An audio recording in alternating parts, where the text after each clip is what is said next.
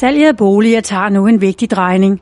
Det vurderer boligøkonom Mikkel Hø på baggrund af helt nye tal fra Realkreditrådet. Der er gang i boligmarkedet, og vi kan se, at det opsving, der er i boligmarkedet, det spreder sig ud over øh, hele landet. Der har været for få købere til boligerne i de mindre provinsbyer, men nu trækker de også købere til.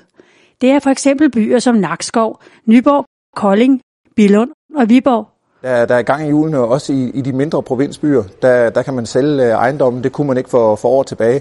Der, der steg liggetiderne bare øh, måned efter måned. Nu falder liggetiderne, udbudspriserne stiger, og antallet af boliger til salg de steder er faktisk faldende.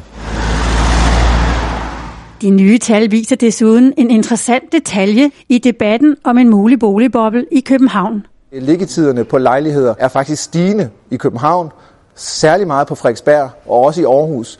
Øhm, så noget tyder på, at øh, folk de hamstrer ikke bare lejligheder for at gøre en hurtig gevinst. Der er indikationer på, at priserne er ved at sive i København, siger Mikkel Hø. Men han tror ikke på, at det indebærer en risiko for kollaps. Det, det er faktisk svært ikke at være optimistisk. Man kan mene meget, men Danmarks Statistik de offentliggør jo befolkningsprognoser øh, løbende.